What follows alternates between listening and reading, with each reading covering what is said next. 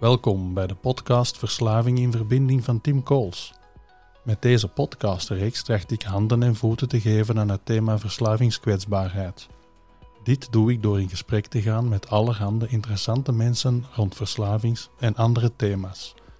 En dit met de bedoeling jou te inspireren bij het vinden van je eigen weg of bij het ondersteunen van iemand die zelf zoekende is. Neem eruit mee wat voor jou kan bijdragen aan een bewust en verbonden leven.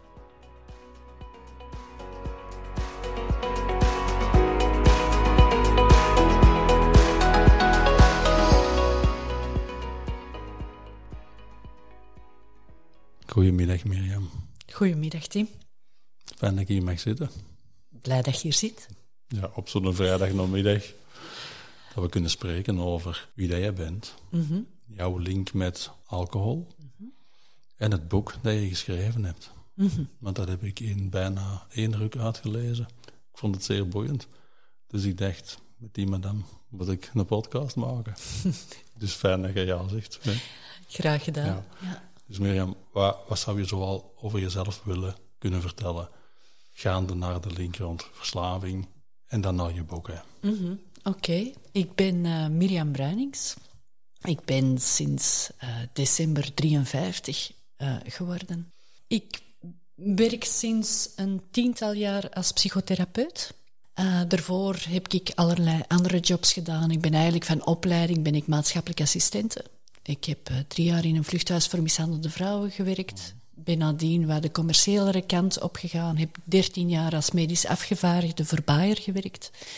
En eigenlijk vanuit de verveling van in die wachtkamers te zitten wachten, eh, uren, eh, totdat het mijn beurt was, ben ik eigenlijk terug beginnen studeren.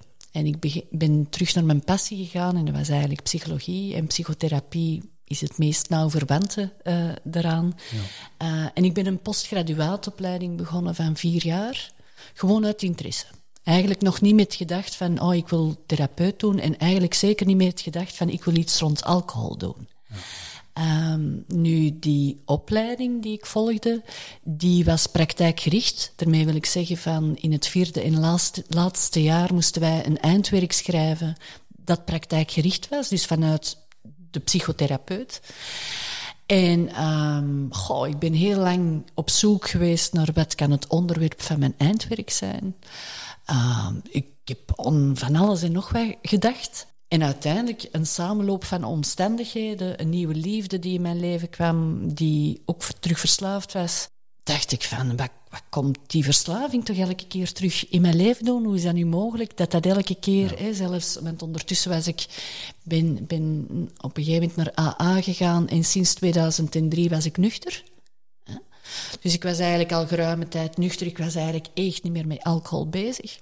En verslaving bleef eigenlijk elke keer op mijn deur kloppen. Ja. Niet, niet dat ik ze binnenliet of niet dat het zo moeilijk was voor mij om de verslaving te weerstaan, maar het, het kwam elke keer terug op mijn pad. En ik merkte ondertussen tijdens die opleiding als psychotherapeut dat heel weinig therapeuten iets over verslaving weten. Dat dat voor heel veel iets engs is, iets dat ze eigenlijk een doos die ze liever toelaten, eh, een beetje de doos van Pandora.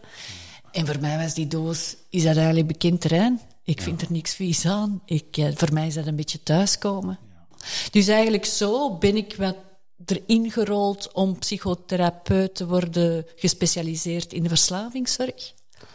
Ah, als ik te veel ineens aan het vertellen ben, Nee, Tim, ik houd me tegen. Hè, want zeer eens dat voilà. eens, eens dat ik ga, ga Ja. ik. Hè, dat is een beetje eigen onverslaving dikwijls. Hè, wij zijn, De grens zijn- niet te kennen.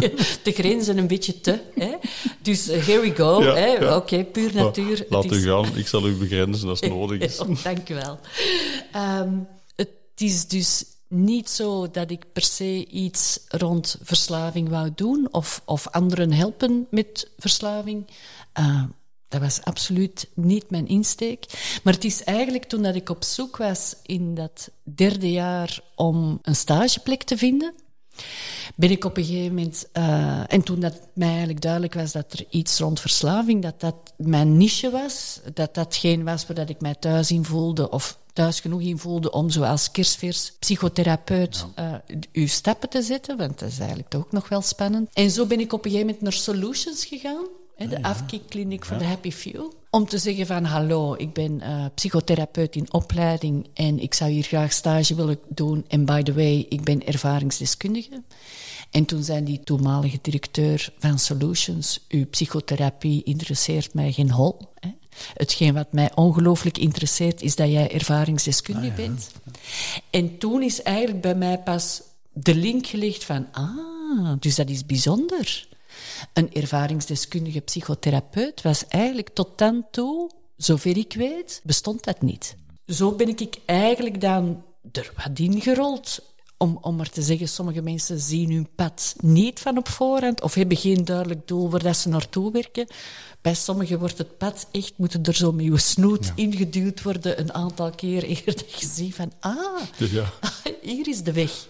Ehm, dus dat is eigenlijk wat bij mij gebeurt. Uh, samenloop van omstandigheden, waardoor dat ik op een gegeven moment dacht van, ah, oké, die ervaringsdeskundigheid, psychotherapeut, ehm, dat is echt iets dat niet bestaat. Maar ja, je zegt zelf ook van, vanuit een ervaringsdeskundigheid, ervaringsdragerschap, goed weten hoe het werkt om in een verslavingspatroon te zitten, hè? Mhm. als ik dat mag vragen. Absoluut. Ja, ja, ja, ja, ja. En eigenlijk zo er bestaan heel veel theorieën rond. En ik wil de theorieën absoluut niet vergruizen. Ik ben, misschien voor alle duidelijkheid, ik ben in... Uh, misschien even over het soort van drinker dat ik was. Als het, als het oké is. Ehm, dus ik, ben, ik, ik heb nooit elke dag gedronken. Ik ben het soort van café-drinker uh, geweest. De sociale drinker, de binge-drinker. Uh, nooit alleen, nooit thuis, ja. uh, altijd in gezelschap. En ik vond dat heerlijk. Voor mij was dat drinken in het café en alles wat dat er eigenlijk rond gebeurde in, in, in de, de wereld en de sfeer was voor mij hemels. Ik zie het nog wat op uw gezicht. Ja, wij, ja. Ik, ik, ik, blink, ik blink nog altijd een beetje als ik, ja, Als ik eraan terugdenk. Dat was voor mij thuiskomen. Dat was echt alsof dat je in een of ander theaterstuk instapte en daar deel van kon uitmaken. En je wist nooit hoe dat ging eindigen. Soms was het hilarisch en werd er ongelooflijk gelachen. Soms was het heel spannend en werd er gevochten. Maar eigenlijk wist het nooit niet. En voor mij was dat, ik vond dat fantastisch. En naast met een hemel, het, het heerlijke, en de mensen die ik daar tegenkwam, en de ene was nog wat gekker dan de andere, en, en heel vaak mensen ook die zo aan het randje leefden. Ik vond het randje ook fascinerend. Maar mijn probleem was, eens dat ik begon te drinken, kon ik niet stoppen. En ik had ongelooflijke katers. Eigenlijk, mijn lichaam reageerde daar zo, zo slecht op. Van in het begin ook al misschien? Van, van in het begin nog niet dat ik niet kon stoppen. Ik denk na ongeveer vijf jaar, stel dat ik ben beginnen drinken rond een jaar of zestien, want ik mocht niet uitgaan voor zestien. Mijn ouders waren er nogal strikt in. Um, dus stel dat ik vanaf 16 ben beginnen drinken, maar dan was dat ook eigenlijk nog gematigd. Dat was dat echt, ja, dan was dat nog niet veel. Maar op mijn 20 kon ik niet meer stoppen. Dan was het echt van, ik wist wanneer ik het eerste glas ging drinken, maar niet wanneer ik het laatste glas ging drinken. En ik had ongelooflijke katers. En, en ik geloof op mijn zeventiende ongeveer dat ik mijn eerste blackout thuisgekomen, veel te laat. Mijn ouders die hadden dan zoiets om twee uur thuis.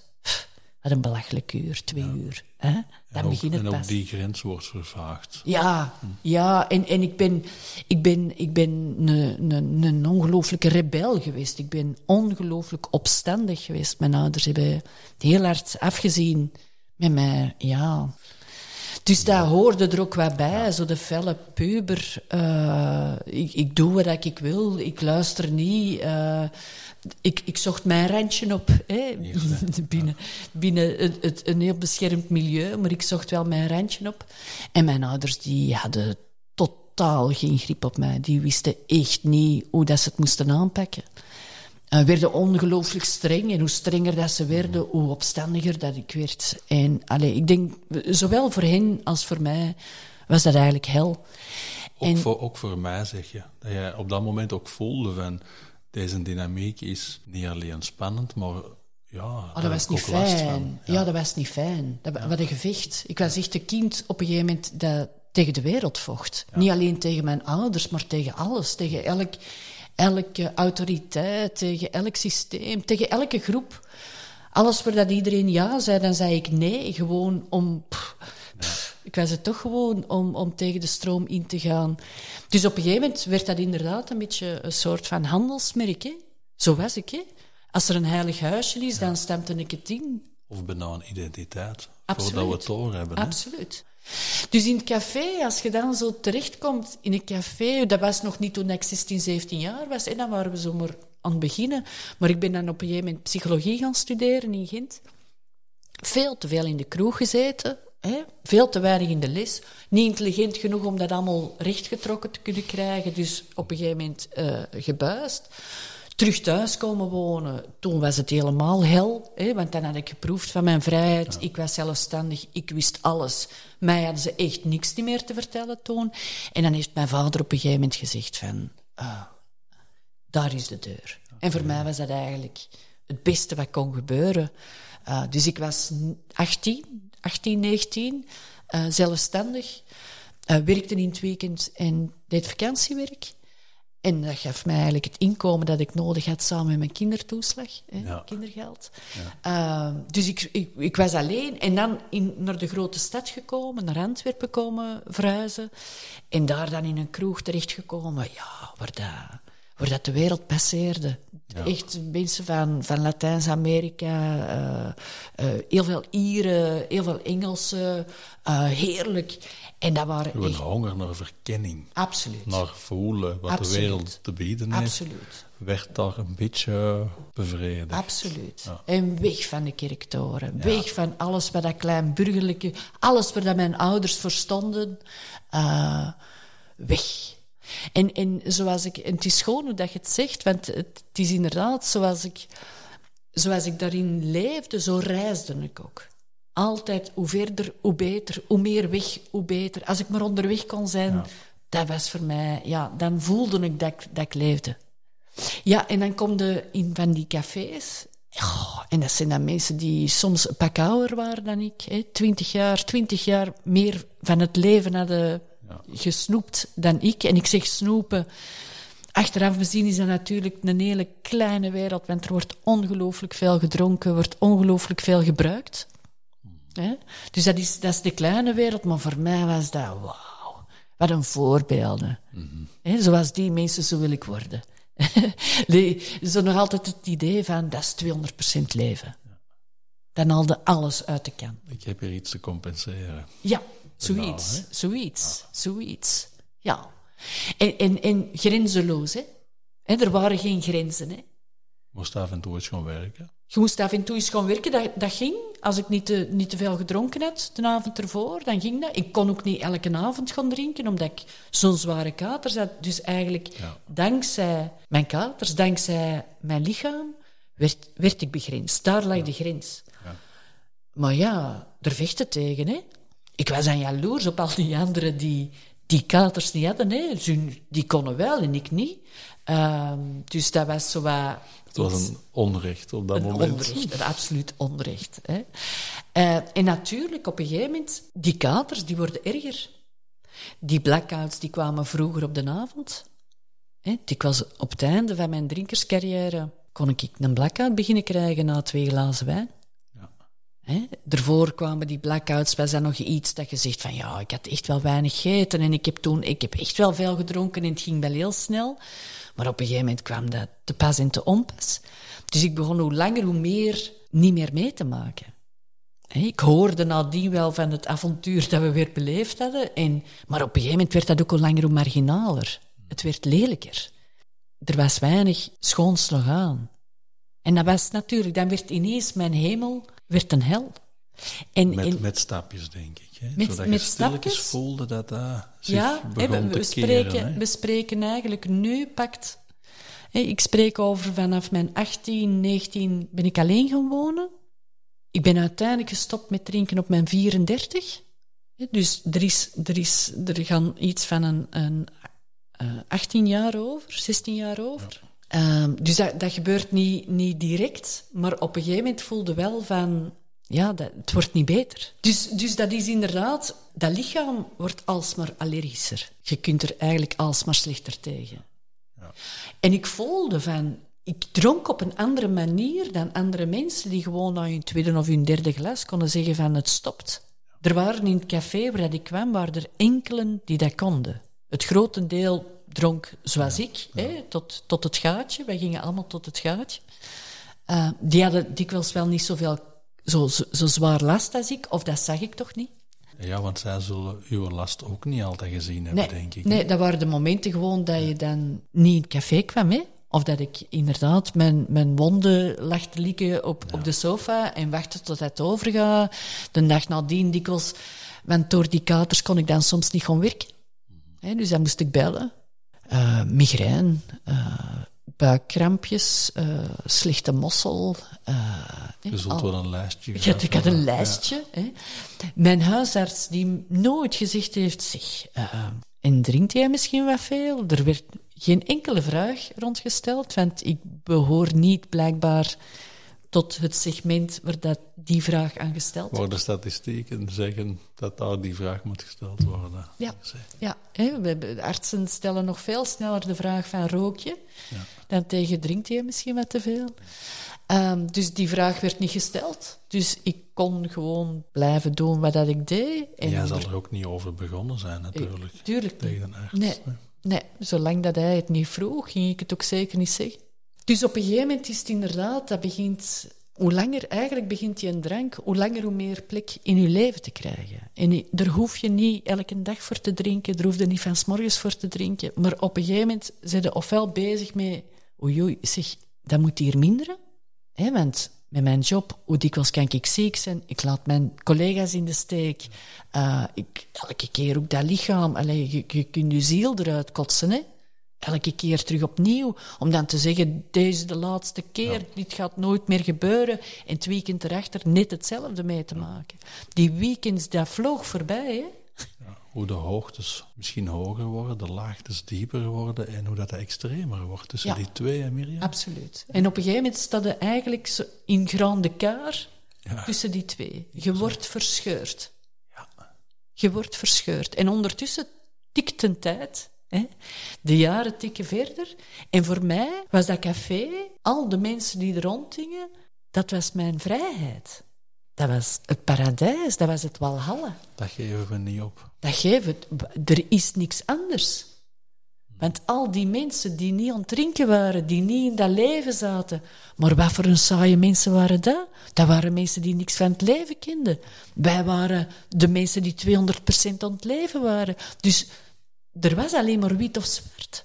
Er was geen grijs. Ja. En je, probeert zo lang mogelijk in die, in die hemel te blijven en die hel die komt hoe langer hoe meer aan je trekken. Ja. En als je al geprobeerd hebt van misschien moet ik dan toch minderen, probeer te minderen, zullen we minderen, we gaan nu minderen, of, of misschien eens een week niet drinken, of, of een dag, of, of, of vijf dagen. En je merkt dat lukt niet. Of dat lukt wel, maar ik begin nadien elke keer terug hetzelfde ongeremde drinkgedrag te vertonen. Misschien wel eens een dag of een, een, een kortere periode. Maar het patroon ja, is zo sterk. Hè? Absoluut. Hey, En ik zeg bij mij, ik dronk absoluut niet elke dag. Ik, ik, dat, dat ging niet. Hey, ik, ik was zo ziek. Dus er zaten tussen mijn braspartijen zaten altijd drie, vier dagen. Soms wel vijf dagen. Dus ik dronk niet elke dag. Ja. Maar het, het stuurloze, het, het ongecontroleerde, dat maakt van mensen, mensen met een drankprobleem. Want mensen blijven dikwijls denken dat je elke dag veel moet drinken om te kunnen spreken van een drankprobleem of een verslavingsthema. Maar dat heeft heel veel vormen, hè Mirjam? Dat heeft heel veel vormen. Hè. Je, hebt, de gewoontedrinkers. Hè. Dat zijn de mensen die, die heel regelmatig uh, drinken, die misschien niet aan binge drinken zijn, die zich niet per se moeten zat drinken, maar die eigenlijk op een gegeven moment een drank nodig hebben om de dag los te laten. Je hebt, je hebt dipsomanen, de kwartaalzuipers, mensen die dikwijls een, een aantal maanden niet drinken of gematigd kunnen drinken en op een gegeven moment aan een braspartij beginnen die een week of langer duurt, van s morgens tot s avonds. Je hebt psychotische drinkers, mensen die absoluut gek worden vanaf het moment dat ze alcohol aanraken. Dan moeten maar één keer om de tien jaar eens een glas drinken. Het is ongelooflijk wat je allemaal kapot kunt maken. Dus we zijn, en ik ben het soort van de sociale drinker, de binge-drinker in gezelschap. Wij drinken absoluut niet elke dag, of dat is niet nodig. Maar eens dat we beginnen, is er geen houden meer aan. Ja. Dus, en dat is ook het moeilijke, want de perceptie blijft, toch zeker twintig jaar geleden toen ik stopte met drinken, ging het bij alcoholiekers nog altijd over mensen die elke dag dronken, die van s'morgens dronken, die fysisch afhankelijk waren. Dat was bij mij niet het geval. Dus ik voelde... Allee, dan ben ik geen, geen alcoholist, hè, want alle literatuur die ik erop op, op nasloeg, er werd gesproken over mensen die in de goot lagen. Ik lag niet in de goot, ik werkte. Ja. En toch voelde ik, maar ik ben niet zoals anderen die gewoon kunnen stoppen na tweede of derde glas. Dus dan ben ik geen alcoholieker. Dus dat heeft heel lang geduurd eer dat ik de stap gezet heb, uiteindelijk in 2003, om naar AA te gaan. De anonieme alcoholisten, hè, dat is ook niet iets waar je zo zegt, jee, ik zal, dat is een ik zal hele drempel. Dat is een hele drempel. Ja. In, in de kroeg werd er ook over de AA gesproken, alsof dat, dat een secte was. Hè? Gevaarlijk, gevaarlijk. Ik moet ermee oppassen met die mannen. Die proberen nu te veranderen. Absoluut, hè? ja. En die, allez, God, uh, God uh, komt in die stappen voor. Uh, uh, dus er, er zit een ongelooflijke drempel inderdaad om daar naartoe te gaan. Uh, maar uiteindelijk heb ik het gedaan. Ik heb een vriendin, een café-kennis mee vergezeld naar uh, AA. En wat voor mij van ongelooflijk belang geweest is, daar is dat er gezegd werd, maar het heeft niets te maken met een gebrek aan wilskracht. Alcoholisme is een ziekte. Het heeft niks te maken met een gebrek aan wilskracht. Absoluut. En dat is eigenlijk hoe dat ik er jaren mee aan de slag ben gegaan. Gebrek aan wilskracht. Andere mensen hebben meer wilskracht, ik moet dat ook kunnen. En dus daar bij AA werd er gezegd van het is een ziekte, en de ziekte bedoelen zij eigenlijk, wij zijn overgevoelig geworden voor alcohol. Zoals iemand overgevoelig kan worden aan bloeiend gras en hooikoorts krijgt. Ja. Zoals iemand op een gegeven moment diabetes kan ontwikkelen. Zo zijn wij overgevoelig geworden aan alcohol. Ja. En dat heeft in mijn hoofd eigenlijk een ongelooflijke klik gemaakt. Want als het een ziekte is, als het iets neurologisch is, iets fysisch is dat, dat er gebeurt, dan is dat belachelijk om daarmee wilskracht iets aan te proberen veranderen. En voor mij heeft dat een klik gemaakt en dat heeft eigenlijk gezorgd dat ik alcohol heb kunnen loslaten, dat ik gestopt ben met drinken in 2003. Maar dat wil dan ook zeggen van, ik ben, in het begin ging ik nog wel naar het café, dus ik zat daar tussen mensen die allemaal aan het drinken waren, die uh, zich blijven herhalen, plannen maken waar daar nooit iets van hè, terechtkomt. Uh, die ook naast het drinken heel veel praten over drank. En over zat zijn. En weet je nog, toen dat jij gedronken had... En droog drinken. droog drinken. En, en, en mensen die gewoon zo gefascineerd zijn. Zoals ik zei, van het drinken is op een gegeven moment... Verdrinkers, dat is een kleine wereld, hè. En, dat, is, en dat slokt alles op. Bijna, dat slokt alles op. Dus je zit daar op een gegeven moment, als niet-drinker, zit je daar zo wel naast. Er komt een soort van vijandschap. Want, oh, jij zegt gestopt met drinken, uh, je gaat ons toch niet proberen te overtuigen. Ah, je bent op die AA gegaan. Hè? Have you, praise the Lord, praise the, hè? Heb hem gezien, heb hem gezien, heb het licht gezien. Dus er komt een soort van vijandigheid. Dus het is niet alleen de link die je verleest, je wordt ook een klein beetje uitgespuugd. Dus ineens was er geen wijn meer. Ineens was mijn verbondenheid in het paradijs weg. En als je dan stopt met drinken en je begint die mensen van wat op een afstand te zien, dan denk je, maar wat een hoop zeveraars bij elkaar, eigenlijk. Dus dat is, dat is, dat is heel maf.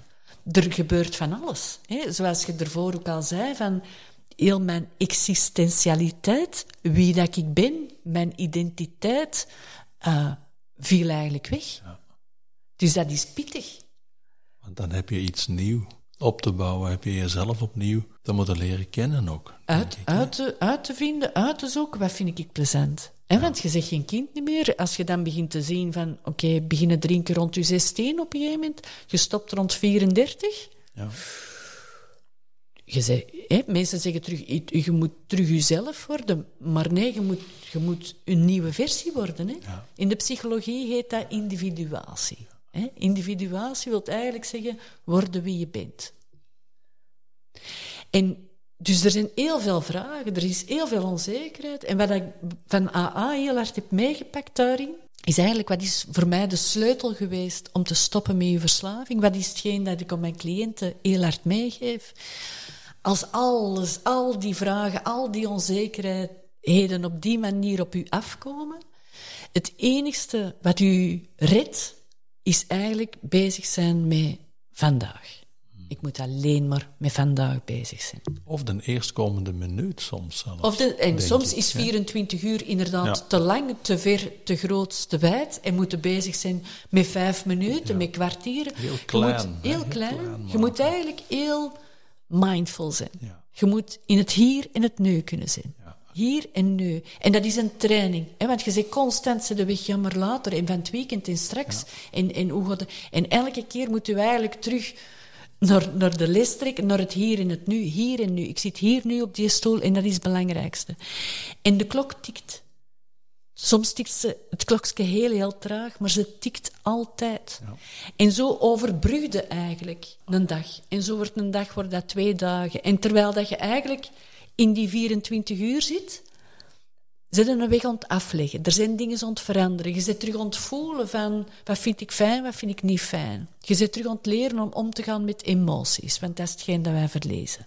Want dat zijn net allemaal dingen die mensen dikwijls voordat ze stoppen met drinken al zouden willen hebben om als ze gestopt zijn te kunnen doen. Terwijl je zegt, en dat merken we ook altijd, het is door de weg te beginnen gaan, zo klein mogelijk en zo traag mogelijk, dat we net dat mogen tegenkomen om emoties te kunnen voelen, om onze cognitie, dus onze denkprocessen terug anders te kunnen ervaren. En dus stilaan ook, wat doen we nu eigenlijk graag? En wie ben ik nu eigenlijk? En dat is een heftig proces. Dat is een heftig proces. En langs de andere kant... want, wat is eigenlijk... Voor mij, wat is verslaving? Ik leg dat dikwijls uit met het beeld van, uh, er staat een fles in een kamer. Hè, wij drinken graag, dus wij beginnen meer te drinken. En die fles die zuigt ons eigenlijk door de kamer. En op een gegeven moment is er weer eens een excess geweest. Dat is het moment dat wij zeggen, we hebben genoeg gedronken, het moet gedaan zijn, we gaan nooit meer drinken. Maar op een gegeven moment is het niet alleen de beweging van een drinker naar die fles, die fles die begint ook te roepen. Hè. En die fles die roept eigenlijk altijd hetzelfde, eentje. We gaan niet overdrijven, niemand gaat er last van hebben. Je hebt dat nu wel verdiend, eentje, meer gaat niet zijn. En elke keer trappen wij er terug in. Hè? En die fles die zuigt ons op een gegeven moment naar een hoek van een kamer. Daarmee wil ik zeggen van, onze wereld wordt eigenlijk hoe langer hoe kleiner en die fles wordt hoe langer hoe belangrijker. Met dat wij ook naar die hoek van die kamer gezogen worden, krijgen wij een onevenwicht tussen draaglast en draagkracht. We staan hoe langer hoe korter. We kunnen hoe langer hoe minder tegen de dingen. We moeten dat hoe langer hoe meer loslaten. En loslaten wil dan zeggen drinken. Dat, is, dat, is, loslaten in een glas. En het is als wij in de hoek van die kamer staan, dat wij zelf of mensen rond ons beginnen te zeggen, maar stop nu toch met drinken, je bent veel te veel aan het drinken. En wij denken, ah, toch niet die fles loslaten zeker, want dat is het enige dat ik heb. Dat geeft wat kleur aan mijn leven. Ja, begrijp mij niet, dat is wat mij helpt. Dat, dat helpt mij, dat is mijn nou vast. Ja. En het is dat dat je nu moet loslaten. Maar dat wij, eigenlijk op een gegeven moment is die fles een overlevingsmechanisme geworden. Dat, ons, dat helpt ons om met onszelf en met leven om te gaan. Maar op een gegeven moment is het niet een overlevingsmechanisme, is het eigenlijk niet meer helpend, maar is het eigenlijk onze ondergang. Het, is, het is net die vlees. ondergangsmechanisme. Het, is, het, is, het zuigt ons naar beneden. Het houdt ons in die hoek van die kamer. Die wereld wordt alsmaar kleiner. Dus wat wij eigenlijk moeten leren, wat doen die 24 uur? Met die 24 uur konden eigenlijk dag per dag, stap per stap, een beetje uit de hoek van de kamer. Je leert terug verbinding leggen met jezelf. Je leert terug omgaan met je emoties, met je gedachten, uh, zonder, zonder je kop af te zetten. Ja. En je voelt van een emotie, dat is een golf. En je voelt eigenlijk van ik blijf staan. Goede dagen, slechte dagen. Ik en blijf dat is soms moeilijk, maar dat mag.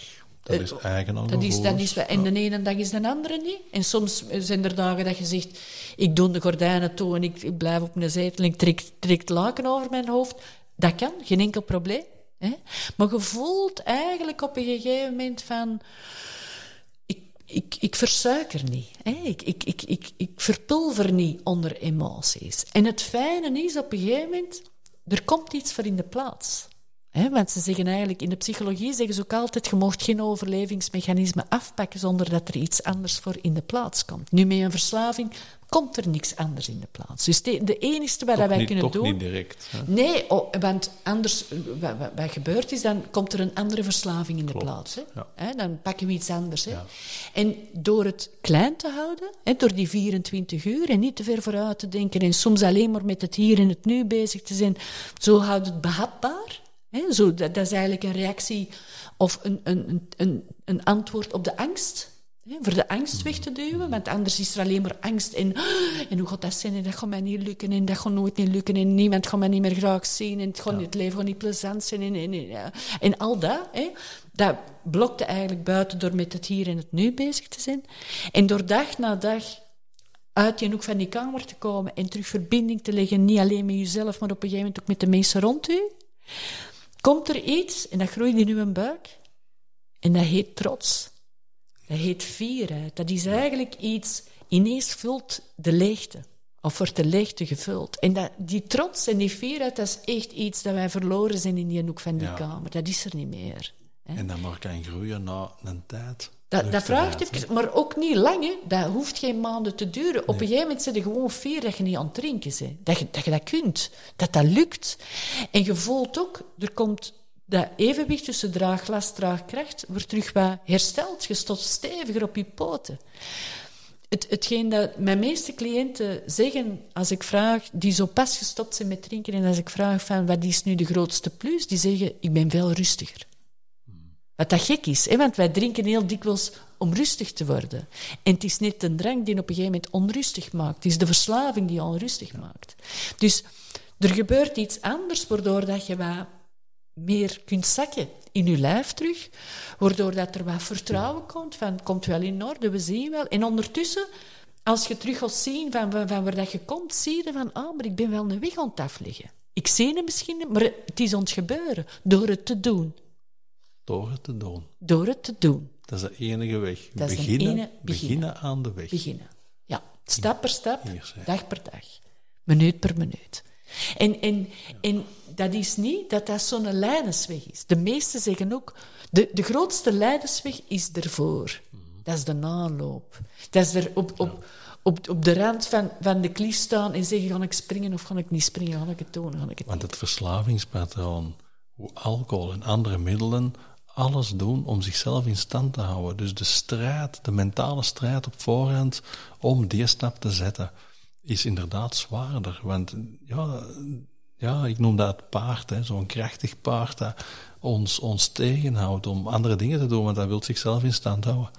Absoluut. Maar eens dat we beginnen en dat paard mag in de stal blijven staan, beginnen we te voelen dat dat ook wel rust kan geven. Ja. En dat het leven best nog wel wat andere dingen te bieden heeft. En dikwijls vele meer. Ja, en puurder, hè. Het is veel puurder. Dat is ongelooflijk. En de eerste keer naar een concert gaan en de muziek horen.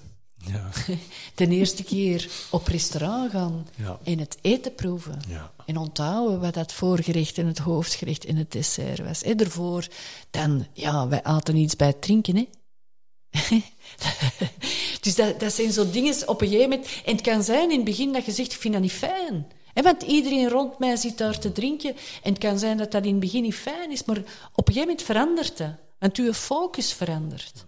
En op een gegeven moment krijg je iets van, het is niet dat ik niet mag drinken, ik wil niet meer drinken. En dat is een woordje van verschil, maar dat is zo'n belangrijk, want dan geeft het gevecht op. Als je het gevecht kunt staken, Ja. dan, dan is het wat, een bevrijding. De, uw wereld is veel groter. Dan wordt het meer wat een onderzoek bijna. Ja. Jezelf opnieuw leren kennen. Absoluut. En dat is anders dan de strijd. Want Absoluut. de strijd is altijd een gedoe, last. dat is een gevecht, dat is ja. een gevecht. En eh, zolang dat je in de strijd blijft, wint bekende verslaving. Dat, dat blijft zo trekken, dat is zo gedoe, dat is zo vermoeiend. En het is pas als je stopt met vechten. Ik vind, er is zo'n metafoor, ik vind het eigenlijk een hele schone. Het is alsof wij in, een- in, een, in een moeras zitten. En we zijn maar aan het ploeteren om eruit te geraken. En hoe meer dat we ploeteren, hoe hoger dat de modder komt. En de enigste manier om uit het moeras te geraken is om op je rug te gaan liggen. En dan komt er vanzelf uit. En dan drijfde. Maar, dat, maar alles in je lijf zegt, allee, je gaat toch niet op je rug liggen, zotke, je moet blijven vechten.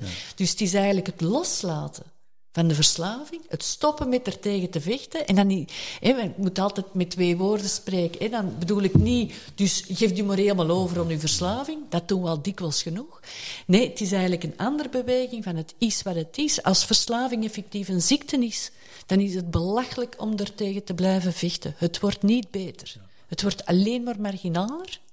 En dus als je kunt stoppen met vechten, dan komt er eigenlijk iets anders voor in de plaats. En het is waar, wat dat er mensen in het begin zo angstig maakt, is... Wij moeten echt op ontdekkingstocht. Wij moeten op zoek gaan, wij moeten creatiever worden in ons leven. Wij moeten leren loslaten. Wij moeten leren om terug echt van in iets te vinden. Om, om te ontdekken wat je graag doet, waar dat je passie ligt. En dat weet eigenlijk in het begin allemaal niet zomaar. En dat studeren was voor mij een hele fijne. Dat, ik werd gevoed, ik kwam, ik kwam terug in contact. Het was, het was een reis. Hè, dat was uh, de, uh, de, reis van mijn leven, moet ik zeggen. Ja. Ik werd gevoed, ik leerde andere mensen kennen, ik, ik, ik kwam in een andere wereld. Ja, en dat is voor mij hetgeen dat ik nodig heb. Dus, en je moet blijven zoeken voor, voor het leven interessant te houden. En ondertussen worden gevuld. Door iets anders. Door iets anders. Door het leven, door, door eigenliefde, uh, zonder wat te, te, want dat kan, kan, ook zo fluffy klinken. Ja. Uh, zonder naast je schoenen te lopen en een narcist te worden, ja. want daar gaat het niet over. Maar verbonden met jezelf. Absoluut. En, en, en, voor jezelf mogen beginnen zorgen. Absoluut. En dan denk ik dat die put die dat je probeert te vullen, altijd met alcohol, waar dat het doorloopt, dat de bodemloosheid ook wegvalt dan. Zo. Dat, je, dat je iets maakt dat, waar dat het kan op gaan liggen en waar dat je kunt op gaan vertrouwen. Absoluut. En ja. dat, dat, is ook uw pleidooi, hè? Absoluut, absoluut. Ja. Mooi dat jij dat allemaal vertelt. Ja, ja. dank je. Dank je wel, heel fijn. Ja. En je hebt op een bepaald moment dan ook een boek geschreven. Ja, ja. Goh, ik had een, een, een van mijn cliënten, Philip Muls, uh, een zakenman, uh, hoge pief bij, uh, bij de multinational. En je mag dat zeggen, want hij heeft zijn gegevens sowieso zijn in gegevens, het boek gepubliceerd. Ja, absoluut. Ja. ja. Hij wou een boek schrijven toen hij nog bij mij in begeleiding was. Ik had daar iets van, dat ga ik niet doen, hè, met een cliënt een boek schrijven. Uh, en, ik, en ik ook nog eens, hè, voor mij, ik, ik werkte ondertussen als psychotherapeut met cliënten. Ik doe dat twee dagen. Ik doe dat niet geen vijf dagen, ik doe dat twee dagen. Vind ik fijn. Hè. Uh, ondertussen geef ik ook een voorstelling, die heet Nu ben ik het zat, waar dat ik eigenlijk scholen mee rondtoer om informatie te geven over wat is alcoholisme, wat is alcohol, op wat moet opletten. Hè. Zo, zo zaken. Ik doe dat niet Ja. in- alleen in scholen, maar ook voor volwassenen. Dus voor mij was dat zoiets van... Nu ik ben ik het zat. Zo, nu ben ik zo het zat. het. Zo heet. Ja, ja. En dus voor mij was ik al genoeg met alcohol bezig, zonder dat ik nog eens een boek moest schrijven over alcohol Mm. ook. Hè. Eh, andere dingen in het leven die veel fijner zijn om mee bezig te zijn ondertussen.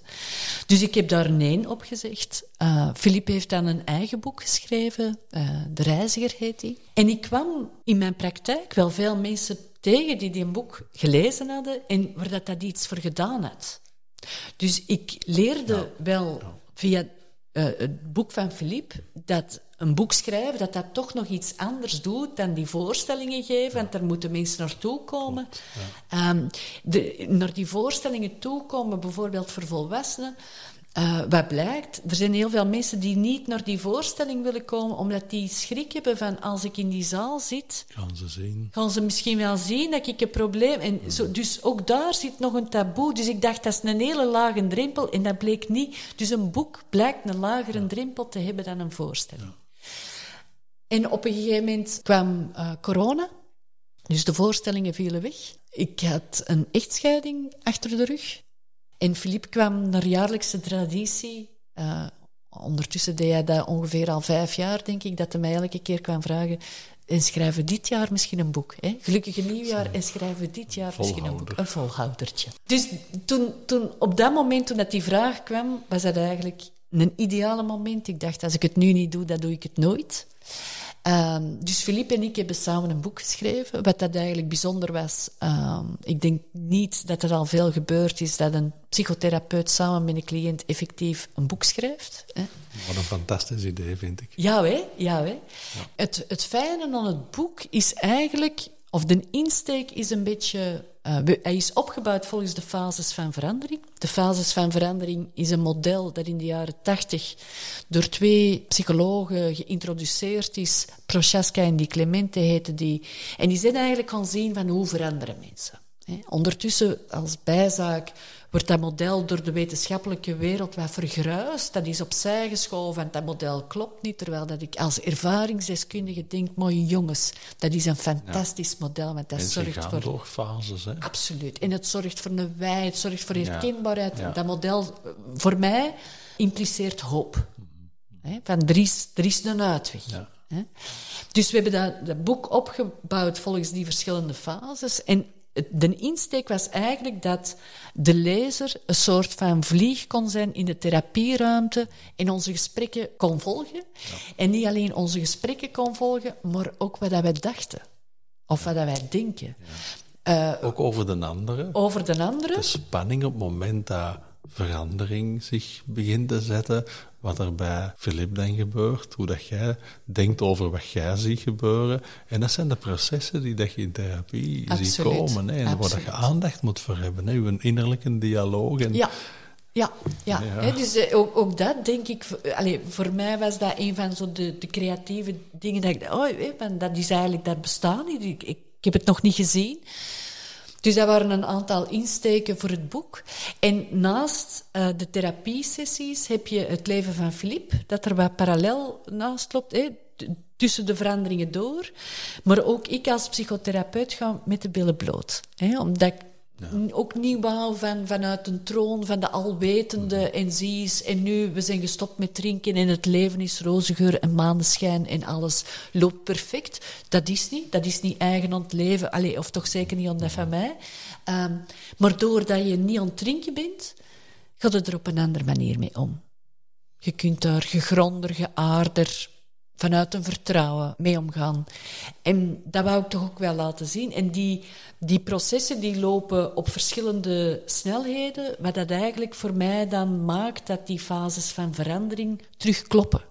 Mm. dat dat model waar dat, dat wetenschap zegt, dat klopt niet meer, omdat je er eigenlijk verschillende snelheden en verschillende fases in hebt, en terugwerkend en weet ik wat, waardoor dat, dat eigenlijk wel klopt. Ja, dat is een, een goed idee om dat vanuit dat model op te bouwen. Want bijna elke verandering werkt volgens een aantal stappen. Klopt, ja.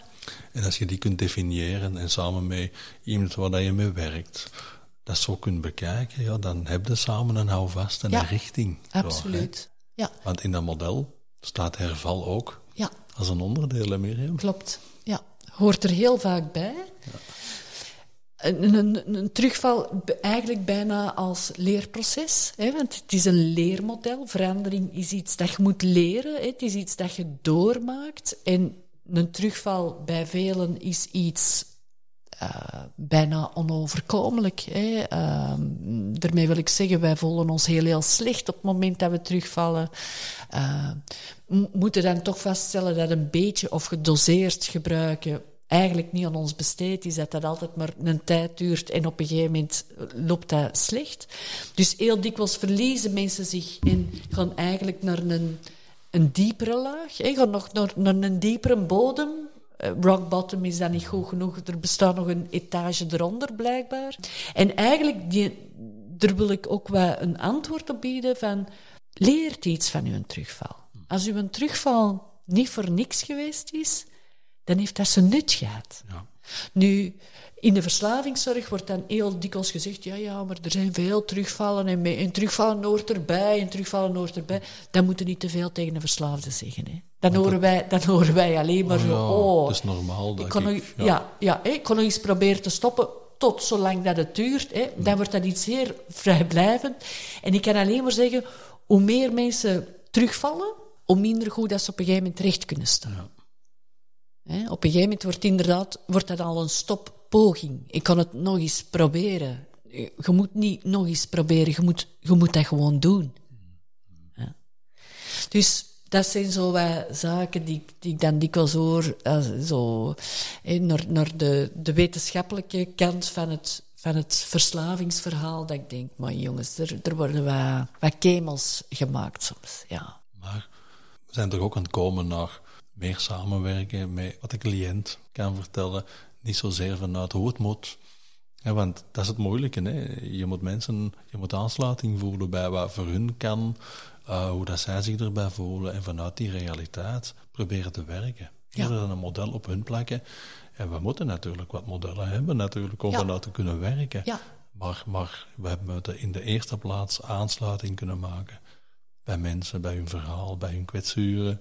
Ja. Om zo ergens iets van motivatie te creëren. Hè. Klopt. En, en, en het moeilijke bij verslaving of de hulpverlening naar verslaving is als je te meegaan bent. Hè? Als je alleen maar kom en, en, en, en, en zorg en weet ik wat, ja, dan wordt eigenlijk wat gemanipuleerd. Dus er moet, hè, want, want, dan pakt de verslaving het over. Hè? Dan pakt de verslaving het over en zegt de verslaafde, oh, ik heb hem al, ik, ik draaide rond met een vinger en ik heb er alle hoeken van de kamer laten zien. Dus je moet ook heel een stuk begrenzend zijn, maar niet te begrenzend, want dan komen ze niet meer terug.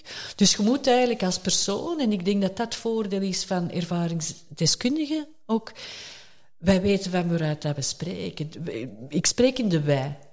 In de wij, wij als verslaafden, wij doen. Dus dat, dat zorgt dat je eigenlijk veel meer al mocht zeggen. En credits hebt eigenlijk. Om, om de valkuilen impliciet aan de redeneringen die mensen maken in een verslavingspatroon, om die wat ja, te mogen counteren. Zonder, zonder brut of, of onrespectvol te zijn. Zonder met de vinger te moeten wijzen van... Hey, uh, en, en, en, dus ja, dat blijkt een, um, een goede match.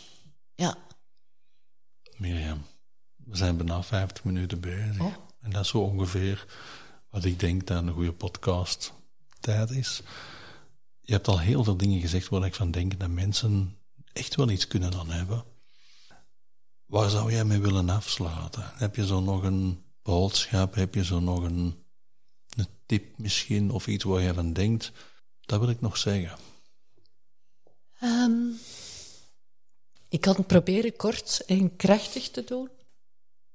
Ik denk, als, als wij, zolang dat wij verslaafd zijn, zijn wij niet in verbinding.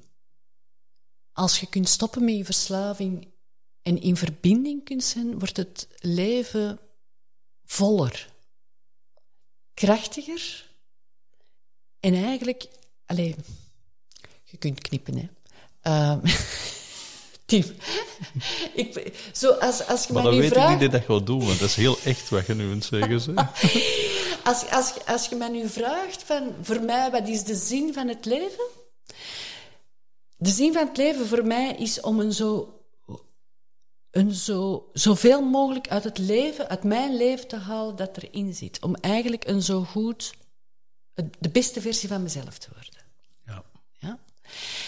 Doordat ik niet meer verslaafd ben, kan ik dat doen. En, en wordt die wereld ongelooflijk groot, waar ik uit kan putten. En heb je terug verbinding. En, heb, en, en dat is zo'n fantastisch gevoel.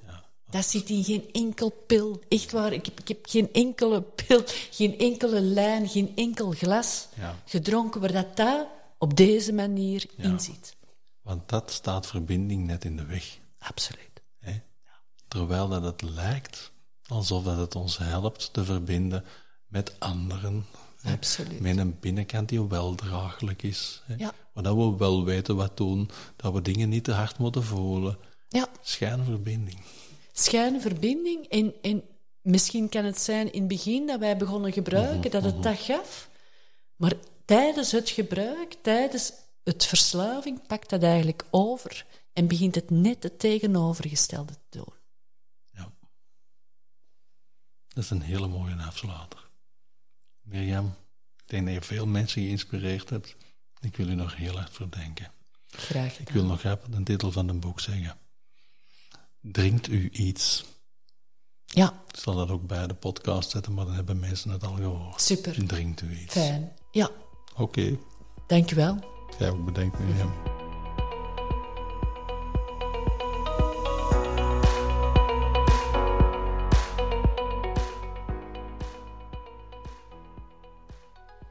Zo, je hebt zelf de passie kunnen horen waarmee Mirjam haar eigen ervaring, gecombineerd met therapie, inzet om mensen met verslaving te helpen. Hoe ze erachter gekomen is wat alcohol met haar deed en hoe ze zichzelf heeft weten te bevrijden van de klem waarin alcohol haar wist te houden. Alle info over haar boek Drinkt u iets en de workshops Nu ben ik het zat, die ze voor scholen, bedrijven, hulpverleners en andere geïnteresseerden geeft, kan u vinden op haar website www.therapeut-alcoholisme.be. Als jij na het luisteren van deze podcast zelf ideeën hebt die kunnen bijdragen aan deze reeks, dan kan je me mailen op verslavinginverbinding.telenet.be. En zo gaan we samen naar betere zorg voor mensen die worstelen met deze kwetsbaarheid.